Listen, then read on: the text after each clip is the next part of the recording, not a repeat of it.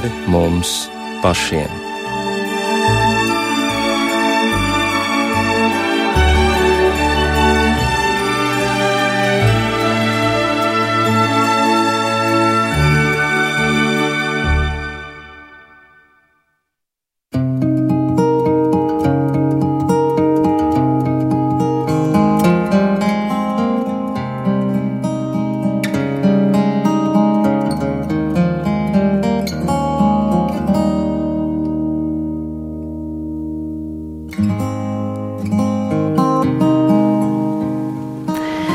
Esiet sveicināti raidījumā pāri mums pašiem, lai ir slavēts Jēzus Kristus. Studijā Inte Zēgnere par skanējumu rūpējas Rita Karnača, bet mūsu raidījuma viesi šovakar ir Ogres Trīsvienības Baptistu draugas mācītājs Dainis Pandars. Labvakar! Sveiki. Un eh, Salaspils katoļu draugas prāvests Ilmārs Taustāvs. Labvakar! Labvakar! Apsveicu ar jauno baznīcas gadu un ar pirmo adventi, adventas vainags, kas koši eh, droši vien rotā jau daudzas mājas un ir aizdegta pirmā adventa svece, kas simboliski norāda uz gaismas tuvošanās. Un tepat Ziemassvētku tirdziņā, kā jau tikko ziņās dzirdējāt, Doma laukumā skan labi pazīstamas dziesmas, un jo spoži izgaismota egle un cilvēku šķiet ir tik daudz kā nevienu citu gadu. Jo patiešām tuvojas šis īpašais laiks, ko mēs esam sākuši gaidīt. Un ir tāda sajūta, tā kā pirms svētkiem, kad mēs gaidām svētku atnākšanu, kaut ko ļoti skaistu, kam ir jānāk jau drīz. Nu, lūk, Kristus dzimšana Betlēmē, Ziemassvētku vēsts, tas mums tā kā ir skaidrs, sasniedza cilvēci vairāk nekā pirms 2000 gadiem, bet tajā pašā laikā svētajos rakstos Izrādās, ir daudz plašāk iespējams iepazīt Kristus nākšanu, nākšanu vēsturē, nākšanu laikā, arī vēl pirms viņa piedzimšanas, pirms 2000 gadiem, un ir arī pietiekoši daudz atklāts par viņa otrreizējo atnākšanu laiku beigās. Un tieši par to mēs arī runāsim šajā raidījumā, bet, protams, vispirms par pašu adventu. Nu, kas tad baznīcās mainās adventa laikā, uz ko jūs aicināt, piemēram, cilvēkus, kas šodien ieradās Silmāra? Ko jūs sacījāt viņiem? Es teicu, laimīgi jauno gadu, kas Aha. daudziem bija šoks, jo viņi domā, ka nav tas 1. janvāris. Bet, eh, protams, kā mēģināju cilvēkiem atgādināt par to adventu dziļāko nozīmi. Ļoti interesanti, ka eh, pareizsīgā baznīca advents saistīts ar gavēni. Katoļu baznīcā tā nav gavēņa praksa, bet tomēr tradicionāli esam eh, pieraduši, ka adventa laikā ieejam tādā dziļākā klusumā, varbūt atsakāmies no kādiem liekiem trokšņiem, un ir veidojis arī šis kontrasts, jo tieši ejot uz šo raidījumu caur domu laukumu, bija tāda sajūta, ka ir sākušās svinības bez, eh, bez jubilāra. Ja, kad eh, varbūt nu, mēs to katru gadu piedzīvojam, ka jau oktobra beigās sāk skanēt eh, klusa nakts, svēta nakts lielveikalos, ja, kad it kā svētki tiek svinēti vēl bez paša svētku dalībnieka ierašanās. Bet no otras puses, varbūt cilvēki ir ļoti nocietušies, viņi nevar sagaidīt, viņi grib svinēt, grib to gaismu. Ja. Tā kā ir šie kontrasti, ir šī spriedze starp jau ir, bet vēl nav, starp atnāca un nāks starp to, kas ir bijis un kas vēl būs. Un eh, par to mēs šodien arī mazliet dievkalpojumus parunājām. Un ko ogrē dzirdēja tie, kas apmeklēja baznīcu? Jā, mums bija viesos teoloģijas doktors Ilmārs Hiršs. Viņš teica tā, nu, kad mēs it kā gaidām Ziemassvētkus, Jēzus um, nu, atkal bērniņa nākšanu, ir tā dziesma, katru gadu no jauna jēzus bērniņš nāk. Bet viņš saka, nu, tur jau vairs nav ko gaidīt. Viņš jau sen ir atnācis, ko tur gaidīt. Bet tas, ko vajag gaidīt, viņa otro atnākšanu. Un tas bija tā tāds atgādinājums. Ka patiesībā visa mūsu dzīve ir nevis gaidīt Ziemassvētkus, bet gaidīt viņa otro atnākšanu, jo tā, tā ir priekšā. Tā pirmā jau ir bijusi, bet šī otrā atnākšana ir tas ir gaidīt uz to, un tas jautājums bija, vai mums šī zemes dzīve ir eh, kā ceļiniekiem, ka mēs zinām, ka mūsu īstā piederība ir debesīm, eh, vai kā pastāvīgiem iedzīvotājiem. Ja tas ir tikai kā, nu, kā ceļiniekiem, tad mēs īpaši negaidām visas lielākās vērtības, ko šī zemes dzīve piedāvā, jo mūsu īstās mājas ir pie tā kunga. Mm, bet, ja mēs gribam šeit iekārtoties, nu, tad bieži vien tā kurnēšana un, un mēs varam nīkt arī tajā gaidīšanā. Bet gaidīšana ir tāds aktīvs process. Nu, tas nav tā kā gaida lidostā un gaida lidmašīnu, bet, te, kad tev nāk ciemiņi, tu aktīvi gaidi, tu sakārto māju, tu sagatavo kaut kādus cienastus, ja, tu aktīvi gaidi. Un tad, lai tā gaidīšana ir aktīva, nevis tāda pasīva un garlaicīga, nu, kad tad viņš nāks? Nu jā, bet mēs tā vai citādi tomēr gaidām joprojām pirmo atnākšanu kura jau ir notikusi pirms 2000 gadiem. Par to, starp citu, liecina arī simbolika, kas ir baznīcās. Jēzus bērniņš silītē un aitiņas un jēriņi, un viss ir mīlīgi un skaisti, un tad tas būtu nepareizi. Es eh, piekdien biju Salaspils pirmajā vidusskolā, par ko, protams, eh, es jau te runāju, ka nav, nav pierasts Salaspils vidusskolā ierasties garīdzniekam. Tagad tur sociālos tīklos arī pacēlās mazliet tāds tracīts. Tā, Ko tad bet, jūs tur tādu sadarījāt? Nē, neko, bet tas, ka priesteris parādījās pēc ilgiem gadiem tur. Bet, eh, ziniet, es bērniem uzdevu jautājumu, nu viņi zina, ka Jēzus dzims. Eh, viņi zina, ka mēs gaidām dzimšanu, bet es pajautāju, kas notiks pēc tam, lieldienās. Un viņi teica, ka lieldienās ir zaķis, kas olas ripina. Un tā es uzdevu bērniem jautājumu, vai tad Jēzus ir zaķī pārvērties. Nu, viņi saka, nē, tā, tā nevar būt. Ja? Un man personīgi šajā eh, adventā ļoti uzrunāja tā pirmā svece, ko mēs iededzam, un arī otrā, trešā, ceturtā, kas ir kā dzirkstele, pēc tam tai lieldienas svecē. Jo mēs katoļu baznīcā lieldienās iededzam šo lieldienu sveci, mēs, nu, kad gaisma uzvar tumsu. Kad eh, pēc būtības jau mēs iesākam svinēt lieldienas kaut kādā ziņā, kad tā atnākšana, tā jau arī Kristus augšām celšanās, jo viņš augš, augšām cēlās un apsolīja, ka viņš nāks otrreiz šajā pasaulē. Es nezinu, man pēkšņi kaut kā skatoties uz adventu vainagu, es kaut kur ieraudzīju šo lieldienu gaismu, to atblāzmu. Ja? Jo, ja mēs paliekam tikai pie silītes, ja mēs neredzam tālāk, nu, tad sanāk, ka Jēzus pēc tam pārvērš zaķi un skrēja olas dēt uh, pa pagalmu. Ja? Nu, nav slikti, kā saka, palikt vien, ir cilvēki, kas paliek šajā zaķa simbolikā, bet pazūd tā kunga augšām celšanās. Tā kā mani personīgi šogad uzrunāja tieši šis aspekts, ka nu, ir risks eh, iestrēgt kaut kur tikai līdz, eh, kā tu teici, tai atnākšanai, kas bija jau, nemaz neredzot par to, kas vēl būs, ko mēs vēl gaidām. Bet vai mēs varam parunāt par um, tiem pravietojumiem, kas bija vēl pirms vispār Jēzus parādījās šeit, cilvēka izskatā, pirms viņš iemiesojās? Ko par to saka svētie raksti? Nu, Vai kāds viņu pirms tam ir redzējis garā realitātē? Nu, taču ir bijušas sastapšanās ar Jēzu pat pirms viņa reālās atnākšanas šeit, cilvēku izskatā. Jā, nu, patiesībā mēs jau pirms raidījuma ar tevi arī runājām.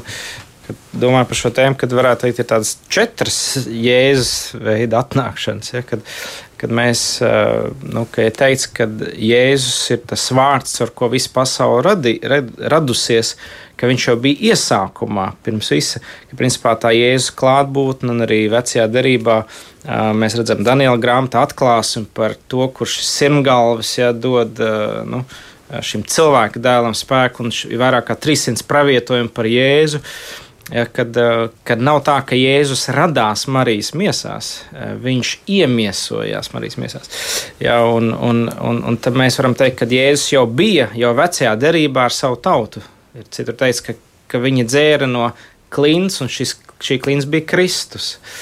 Tad mēs varam runāt par, varētu teikt, kad viņš parādījās arī, kad nāca kā cilvēks. Šis dievdēls nāca kā cilvēks, un tad viņš eh, viņa nāvi un augšām celšanās un parauš, jeb aiziešana debesīs. Tad mēs varam runāt arī, ja, kā tu minēji, kad viņš šodien nāk svētajā garā. Arī pie mums viņš teica, es esmu ikdienas ar jums līdz pasaules galam. Un tad mēs varam runāt, jau tad, kad viņš nāks, jau varētu teikt, jau tā kā ceturtā reize, bet to mēs saucam par otru atnākšanu, jau, jau valdīt jau kā ķēniņš un kā tiesnesis.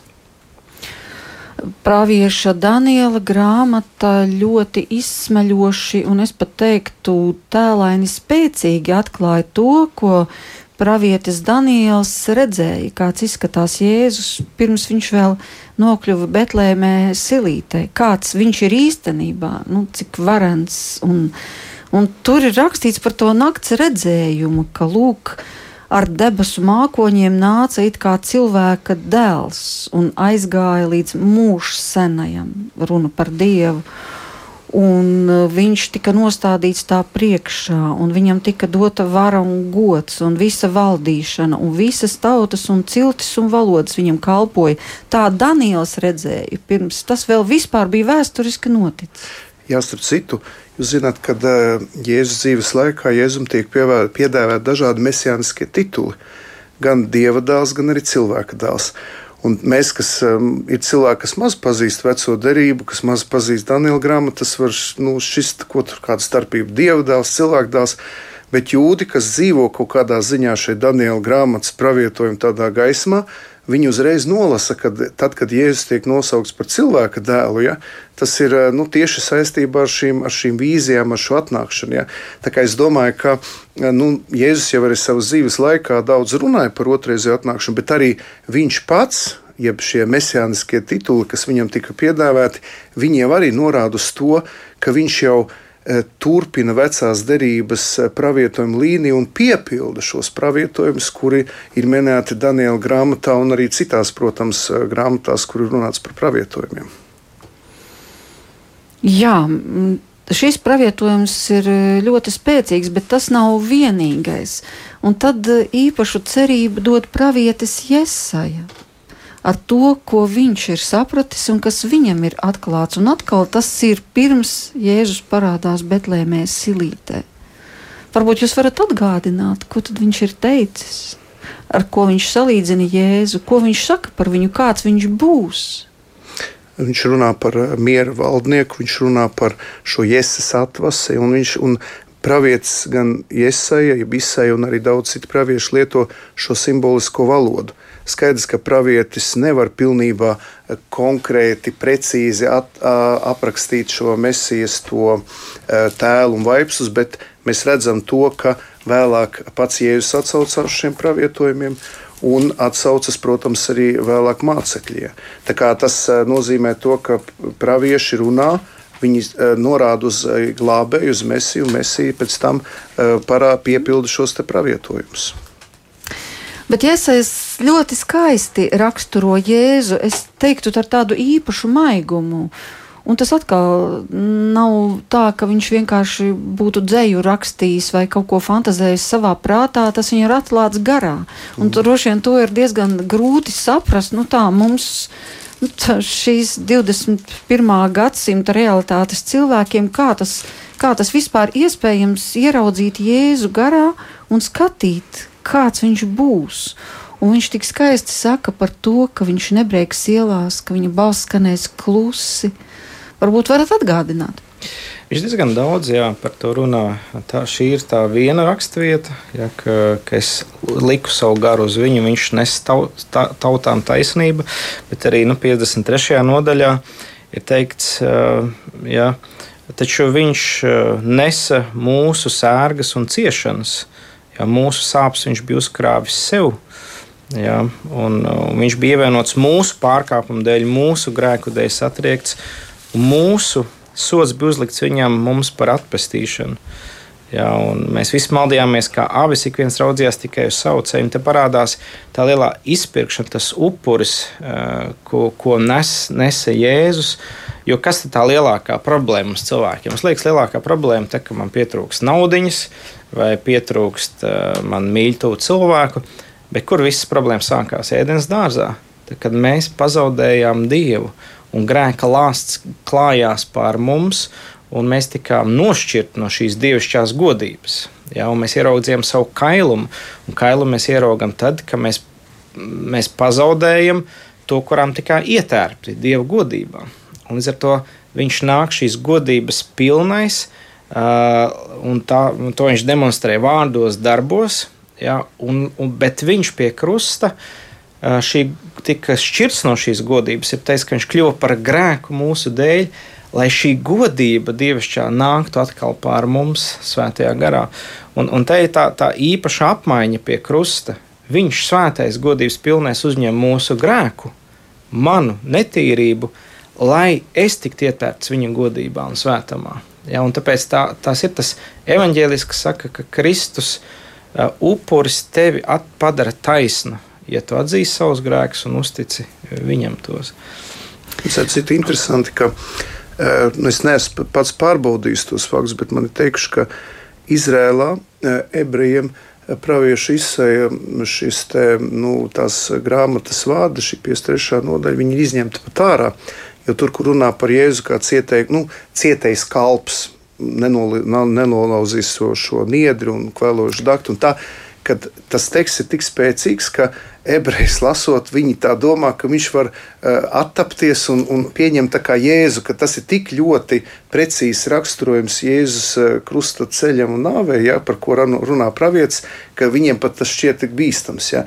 Tā kā tik spēcīgi teksti šajā izsajā, jeb iesajā, kur viņš runā par cietēju kalpu, ja, un tas ir vienkārši kulminējoši. Un kā kā tas var būt, ka šis pravietis jau garā acīm redz tos notikumus, kas notiks eh, Golgātas kalnā. Ja? Tas parāda to, ka nu, Dieva gars savieno pagātni, tagad un nākotni. Un adventā jau mēs piedzīvojam laiku, kas bija pirms mums, laiku, kas ir tagad, un laiku, kas vēl būs. Un šie laiki nav, mēs viņus tā sadalām. Bet Dievā tas kļūst par vienotu veselumu. Ja? Kad Jēzus ir nomiris un augšām cēlies, Viņš mūs atpestīs, bet pilnīgais piepildījums vēl tikai priekšā. Ja? Un teoloģija to sauc par jau ir, bet vēl nav. Viss ir paveikts, bet piepildījums vēl seko. Jo mēs jau redzam, ka šajā pasaulē vēl nav pilnībā acīm redzami nodibinājusies Dieva valstī. Mēs redzam ļoti daudz grēku, mēs redzam tik daudz ļaunumu, mēs redzam tik daudz ciešanas un daudz, kur tad ir jūsu pestītājs, kur tad ir jūsu glābējs, kāpēc viņš nav visu atrisinājis bet mēs jau esam cerības eh, cilvēki, kas raugāmies ar šo skatu uz, uz parūzi, uz Jēzus otrreiz atnākšanu. Jā, un te tā interesanti, ka savienojās, kad eh, jūdi un šie pravieši redza garam acīm Jēzu, kurš nāks. Mums tieši tādu pašu atklāsmu vajag par Jēzu, kurš nāca. Tikai mēs skatāmies laika ziņā uz atpakaļ, kad nāca šis glābējs. Viņi skatījās priekšā, bet tā ir tā pati ticība uz to pašu glābēju, kas nāk glābt mani. Jā, un pēc brīža arī turpināsim par šo otro atnākšanu, un ne tikai par to.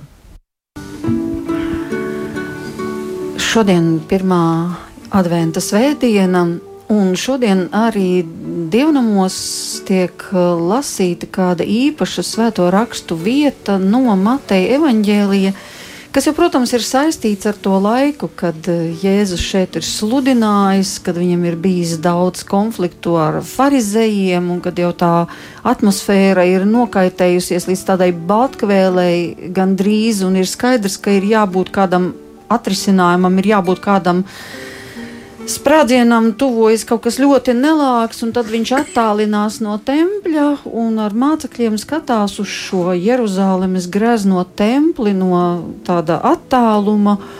Un mācekļi priecājas, cik šis templis ir skaists un tā, bet Jēzus viņiem saka, nepaliks no šī tempļa nekas pāri.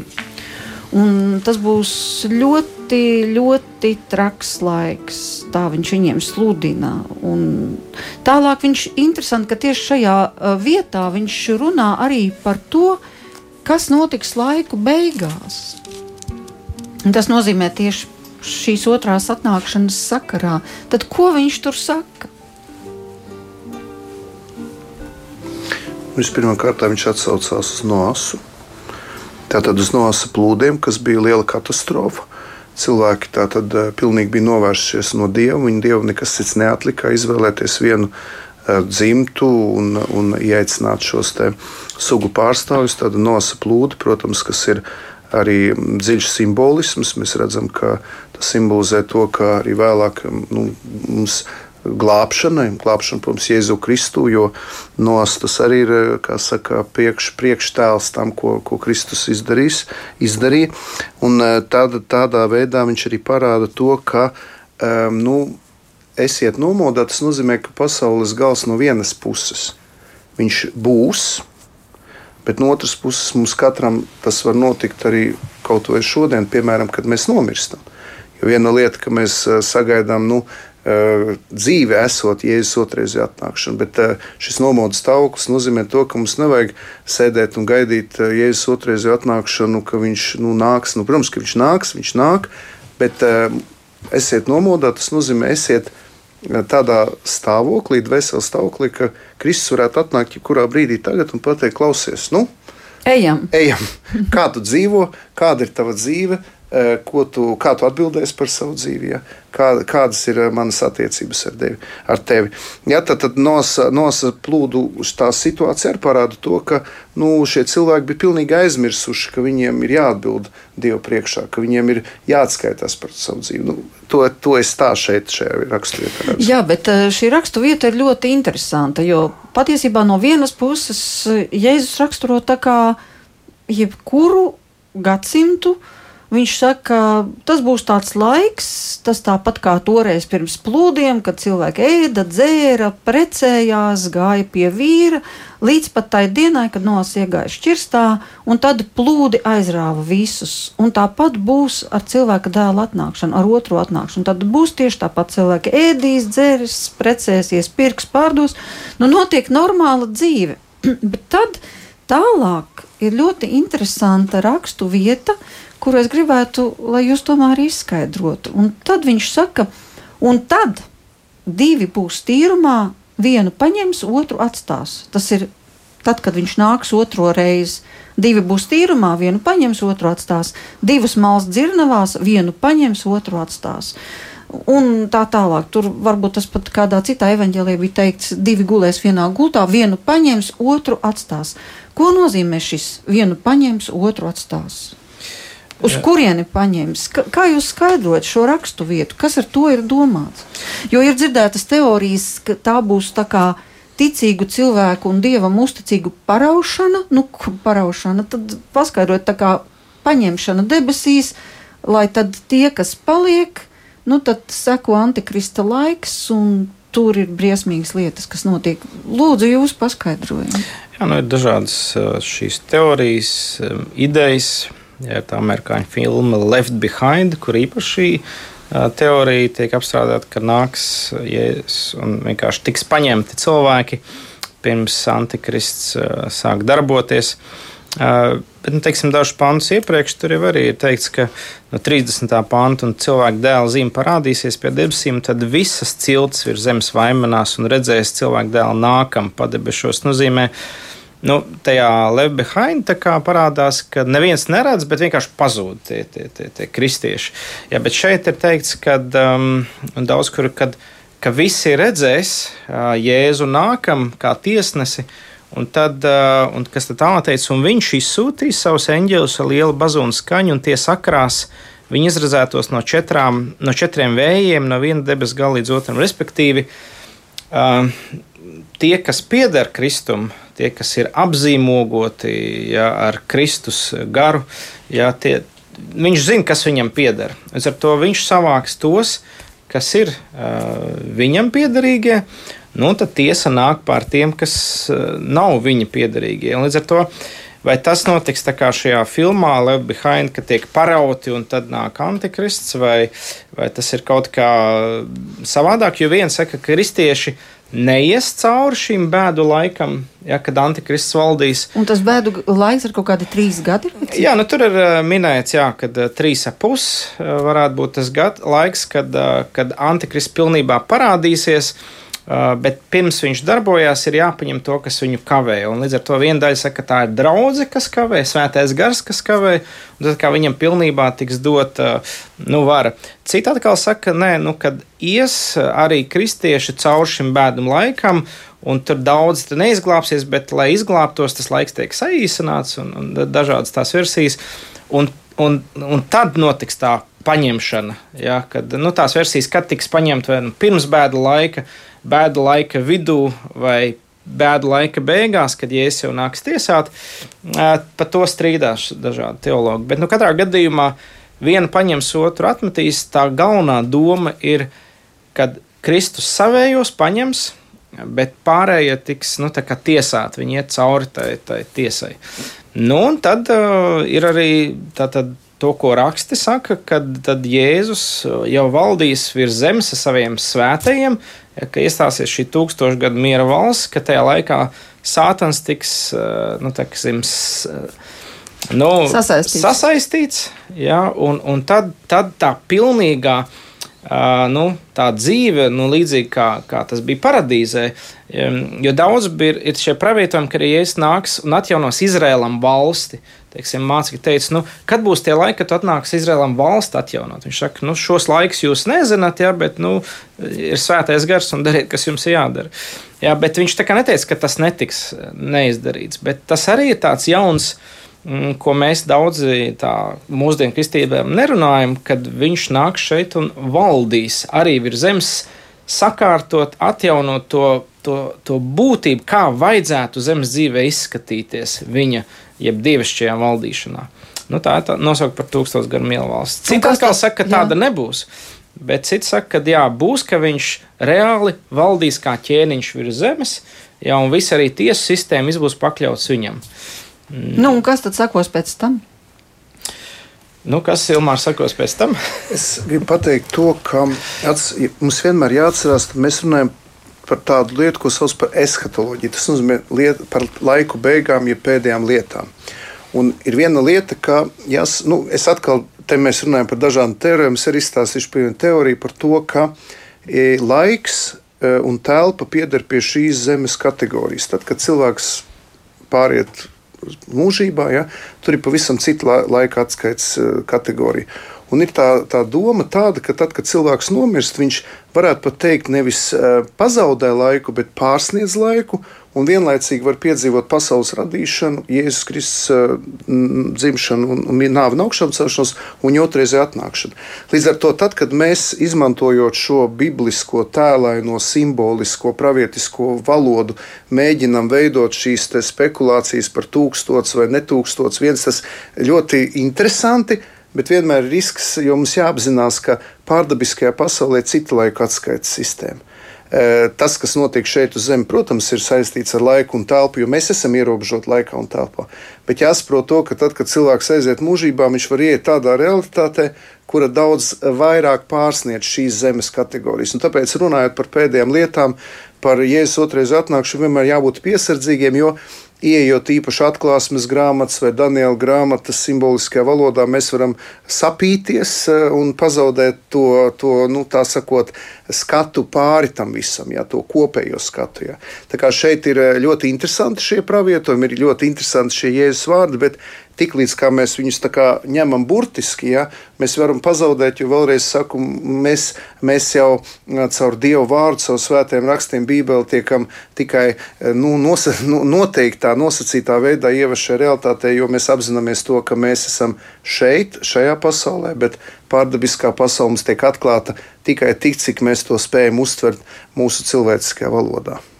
Jā, bet visam, ko viņš ir teicis, viņš to ir ļoti nopietni stāstījis mācekļiem. Uh, Tā tad nekāds templis vēl nebija sagrauts. Tas notika 70. gadā, bet viņš jau pateica, ka tā notiks. Un likās, nu ko tad Jeruzalemes templi vispār var iespējams sagraut? Ja? Nu, nu, bet, jūs, bet, jau, bet mēs zinām, ka viņš runāja par savu miesas templi. Bet arī par to reālo templi kā par celtni. Un tas tika iznīcināts un viss. Tas ir pierādīt to, ka viņš jau savas dzīves laikā būvēja citu templi, kurš eh, trešajā dienā tiek atjaunots ar viņa augšām celšanos. Ja? Un tas jau jūdiem bija zīme, jo viņi jau koncentrējas ap šo redzamo svētnīcu, kas viņiem bija dievu klātbūtnes vieta. Tiklīdz kā templis ir sagrauts, viņi tagad nabagi arī iet pie tā raudu mūra un lūdzās, bet uh, viņš jau netiek atjaunots, jo patiesais templis jau ir, uh, augš, jau ir uzbūvēts. Tas ir Jēzus Kristus, kas ir augšām cēlies un mājo savā draudzē, savā baznīcā, kristiešu vidū. Ja. Tad mēs redzam, ka šie notikumi, kas notiek vēsturē, viņi caur Jēzus Kristus dzīvi, nāvi un augšām celšanos iegūst jaunu jēgu. Nē, bet es vēl ko gribu teikt par šo 24. nodaļu. Viņš brīdina savus mācekļus. Ir pat uh, dzirdētas tādas, es nezinu, leģendas, bet tikpat labi varbūt arī tā ir patiesība par to, ka kristieši paspēja aiziet no Jeruzalemes pirms šī Romas uzbrukuma un pirms šī Jeruzalemes aplen, aplenkuma un pirms šīm mocībām, kas tur notika, tad, kad 70. gadā tas templis tika sagrauts, ka kristieši paklausot Jēzus vārdam, paspēja Jeruzalemi atstāt un viņi izglābās. Bet, bet viņš savus mācekļus ļoti nopietni brīdināja. To var Mateja evaņģēlijā šajā 24. nodaļā izlasīt, viņš runā par pēdējā laika zīmēm, kas vēstīs par viņa atnākšanu. Un tad man ir jautājums, cik lielā mērā mēs, mēs esam tam laikam pietuvojušies. Jā, bet pirmie kristieši iekrita pārspīlējumos. Mēs zinām, ka Pāvils pēc tam arī un, un aizrāda, un arī vēlāk mēs redzam, ka kristiešu vidū izplatās tāda doma, ka Jēzus nāks tūlīt pat un viņi pārtrauc uh, strādāt, sēt, darboties ja, ar tādu domu, ka nu, tūlīt jau, tūlīt jau Jēzus nāks. Par to Jeruzalem es pilnīgi piekrītu. Kristieši ļoti konkrēti seko Jēzus norādēm, bet arī jāsaprot, ka nu, viņi arī līdz galam nespēja saprast, viņi domāja, ka paies daži desmit gadi un Jēzus tūlīt nāks un viss atrisināsies. Viņiem pat prātā neienāca, ka būs baznīcas un draudzes līdz 2022. gadam. Ja kāds viņam būtu pateicis, viņi būtu noģībi to aiz šoka. Ja? Tā kā, nu, tas arī ir ļoti interesanti.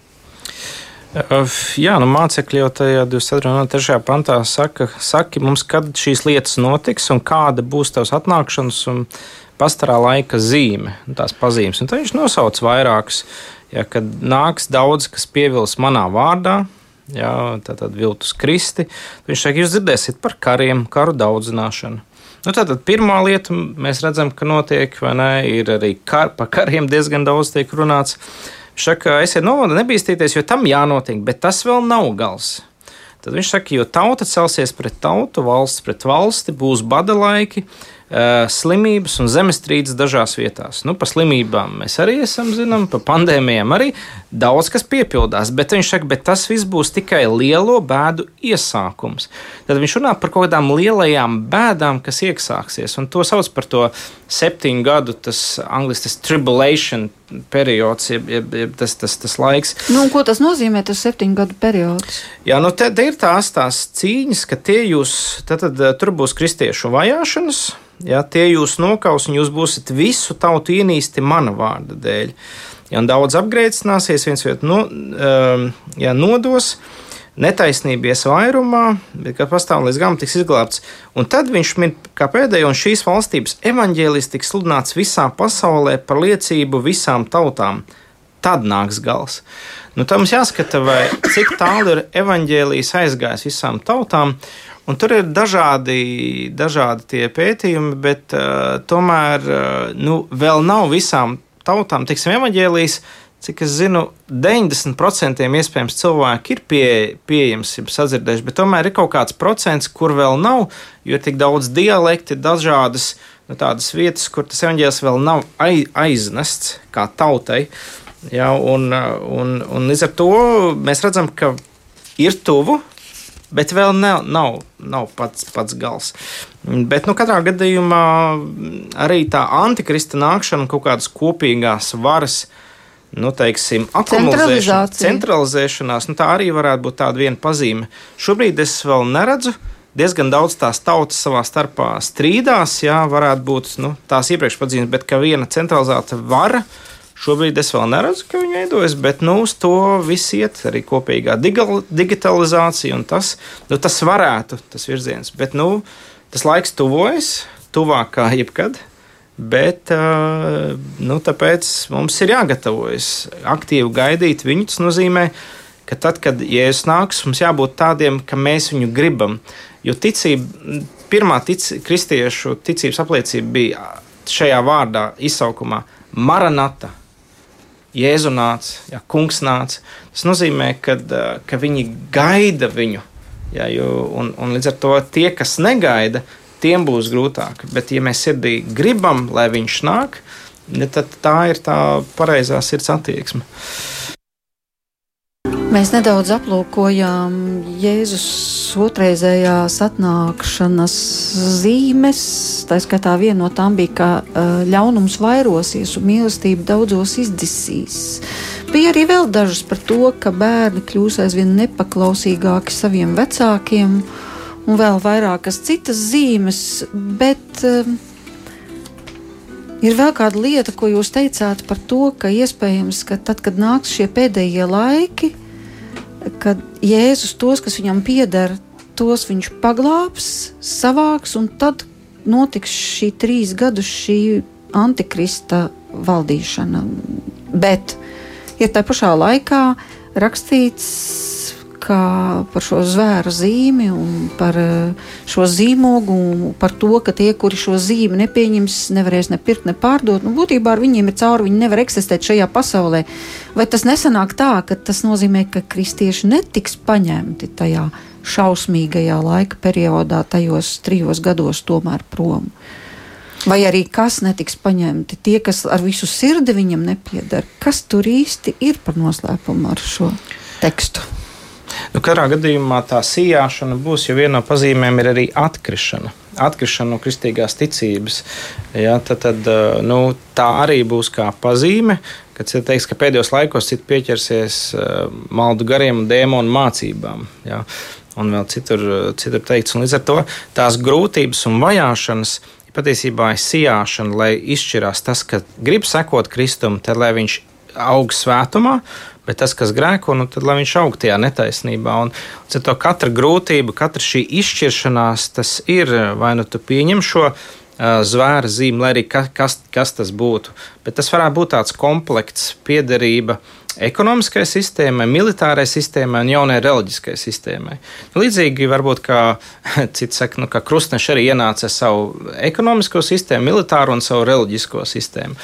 Ja, nu tad tas arī būtu tāds jauns piedāvājums un caur to atteikšanās ja, no Kristus glābšanas. Un, to, un, un tāpēc ir eh, vārda kristieši, bet ir sirds kristieši. Nu, vārda kristieši ir nu, tie, kas saucās it kā viņu vārdā, ja, bet arī atklāts grāmatas saka, nu, tev ir vārds, ka tu dzīvo, bet tu esi miris. Ja, un arī citur lietots par šīm desmit jaunavām, ja, ka vienām bija šī eļļa, Ja, šis svētā gara pilnums, cits skaidro, un citām nebija. Ja, un, un... Bet visas desmit gaidīja līga vai ne? Jā, it kā, jā, vai ne? Jā, Tas ir tā kā. Nu, jā. Nu, labi, un tagad pats svarīgākais par to, nu, kā tad mums viņam piederēt. Piederēt tagad. Mēs, protams, varam daudz ko spriest par to, kas būs, kā būs. Mēs varam līdzināties šiem pirmiem kristiešiem, kas sēž sapņēni, skatās debesīs, nu, tūlīt, tūlīt nāks un neko nedarīt. Mums ir šeit un tagad, mums ir tieši šis laiks. Tāpēc es vēlreiz gribu uzsvērt, arī tagad dzirdējām ziņās par šīm traģiskajām autokatastrofām, kas bija Latvijā uz šiem ceļiem slideniem. Es arī šodien draudzē to pieminēju. Mums jebkura diena var būt pēdējā, un tāpēc šis no, nomodas stāvoklis ir tas, ka man tagad ir jāveido personīgas attiecības ar Kristu. Un, ja man ir dzīves attiecības ar viņu, tad ir vienalga, kad viņš nāks, kā viņš nāks. Es zinu to, ka viņš nāk tagad, Viņš ir manā priekšā, es ar viņu komunicēju, man, man viņš ir kā draugs, es vēlos atdot savu sirdi viņam. Un tad viss pārējais kļūst atšķirīgs. Labi, bet es negribu teoretizēt. Es varu iedomāties Kristu, izdomāt Kristu un pat izdomāt, ka es ar viņu sarunājos. Nu, bet, bet kur tas ir nu, fakts, ka es tiešām ar viņu sarunājos? Nu, tāpēc nu, ir kristiešu kopiena. To. Tāpēc jau mēs sakām, ir cilvēki mūsdienās, kas ir ļoti individualizējuši ticību un saka, man nav vajadzīga kopiena, man nav vajadzīga draudzene. Es varu aiziet mežā, parunāt ar koku vai palasīt Bībeli, bet tāpēc ir kopiena, tāpēc ir brāļu māsas, kas nodod tālāk šo autentisko vēsti. Jā, protams, mēs joprojām esam sašķelti konfesionāli, ja? bet no otras puses, nestoties šo sāpīgo sašķeltību, tomēr mums ir lietas, kas mūs vieno. Mēs redzam, ka Jēzus klātbūtne ir, ir jūtama, redzama, un viņa eh, darbība, viņa augļi redzami dažādās konfesijās, dažādos veidos. Ja? Un es domāju, arī šis eh, ekumeniskā kustība, jeb kristiešu vienotības kustība arī ir kā šī laikmeta zīme, lai mūs eh, pēc iespējas apvienot, pēc iespējas stiprinātu, varbūt tiem notikumiem, kas pēc tam sekos. Labi, bet nu, jūs teicāt par to, šīs personiskās attiecības ar Jēzu ir svarīgas, ka es viņu pazīstu, viņš pazīst mani. Jūs atsījāt par draugu. Nu, labi, tagad pirmais advents, es domāšu, nākošajā svētdienā aiziet uz baznīcu, uz kādu no Rīgas baznīcām. Nu, es atnākšu, es tur pagrozīšos, paklausīšos, ko teica mācītājs, paklausīšos skaistas dziesmas, es aiziešu un vai es būšu satikusi Jēzu? Um, tas, tas, ko raksts saka, ka ka tuvu ir tas vārds, kas tev spēj izglābt, uh, un kas piesauc tā kunga vārdu, tas tiks izglābts. Restīvi ar uh, sirds ticību panākam taisnību, ar mutes liecību pestīšanu.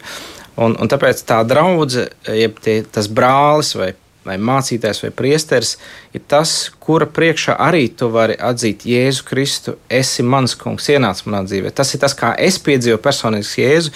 Ne tikai atnākot uz dievkalpojumu, bet pēc dievkalpojuma es pie mācītāja piegāju un teicu, kā iepazīt viņu. Un viņš man vadīja vienkārši šajā grēcinieka nožēlas lūgšanā, grēka nožēlas lūgšanā.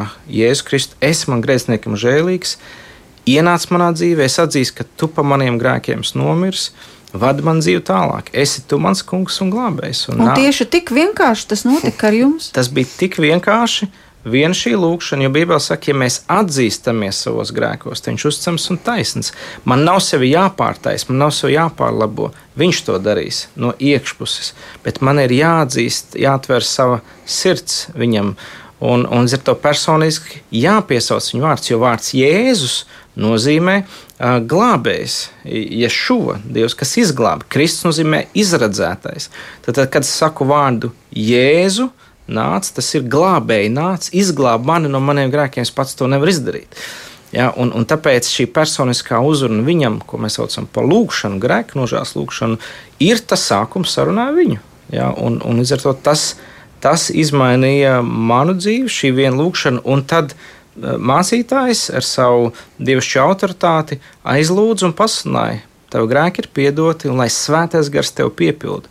Un tad es piedzīvoju to, ko tas nozīmē, kad dieva gars tev piepilda. Kad, uh, pats, un, un pēc tā jau var pateikt, ka tu esi kristietis, ka tev ir svētais gars, ka tas ir tā ķīla, jeb zīmoks, ka tu pieder Kristum. Nu, ko tad jūs piedzīvojāt tajā brīdī? Uh, es piedzīvoju tīri pat fiziski, varētu teikt, gan garīgi, to grūti izteikt, to sajūtu. Bet man bija sajūta, ka man ir ienākusi jauna dzīve un ieslēgta gaisma. Un teiks, ka Jēzus nāca apgaismot cilvēku. Man pat fiziski redzēja debesis zilākas, zāli zaļāku, un bija ienācis miers, un man bija atnākusi ticība. Viņš nav kaut kur tālu, viņš ir šeit, viņš ir ar mani. Un tas sākās mans izaugsmas ceļš uh, kristīgajā dzīvē ar vienu šādu lūkšanu. Jā, dārgo klausītāji, tieši tā arī tas notiek. Un tas nav sarežģīti. Daži domā, ka ceļš pie jēzus ir ļoti sarežģīts, bet tas ļoti vienkārši. Varbūt tieši šovakar, varbūt kāds, kas mūs klausās, izdara šo ļoti svarīgo savu dzīves izvēli, pieņem jēzu par savu kungu un glābēju, un tādā veidā sāks pilnīgi jauns dzīves ceļš. Ar jums notika tāpat? Jā, arī man tā notika. Es arī eh, savā laikā, 19 gados, kad kristījos, es arī pirms tam biju Latvijas kristīgajā studentu brālībā, arī aicināts biju nožēlot grēkus un pieņemt jēzu par savu kungu glābēju. Un pat ja es pēc tam, protams, gāju arī katehēzes kursu un tikko arī kristīts kā uh, ūdens kristībā. Es arī mums vakar bija alfas kursa nedēļas nogalē, un es dalījos, ka es svēto garu saņēmu pirms es vēl tiku kristīts ar ūdeni. Un Bībelē mēs redzam, ka ir ļoti daudz epizodes, kur svētais gars nonāk vēl pirms ūdens kristības. Ja? Tā kā svētais gars var arī šodien šajā raidījumā nonākt par klausītājiem, viņa sirds var tikt aizskarta, viņa sirds var tikt piepildīta un var izmainīties cilvēka dzīves vienā mirklī. Momentāli. Nu, tādā gadījumā varbūt vērtīgākais, ko var darīt, lūgt par klausītājiem, kaut īsu lūgšanu, lai mēs kaut ko piedzīvojam vairāk un vairāk redzam šo gaismu, un varbūt tiešām piedzīvojam, ka mūsu dzīves mainās, ka tās debesis kļūst zilākas, gaismas požāk.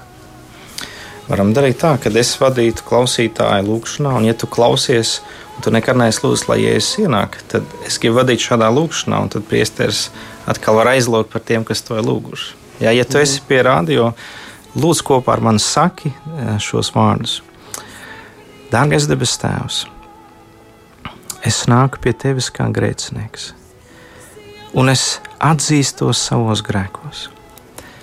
Bet es Tev lūdzu, Jēzu Kristu, esi man grēciniekam žēlīgs.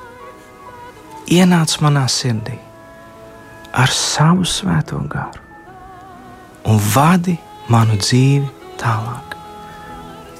Un paldies, ka tu mani pieņem un piedod visu Jēzus Kristus vārdā. Āmen. Amen.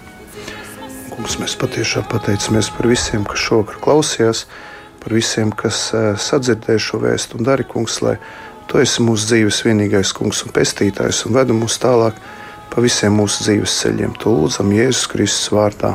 Āmen!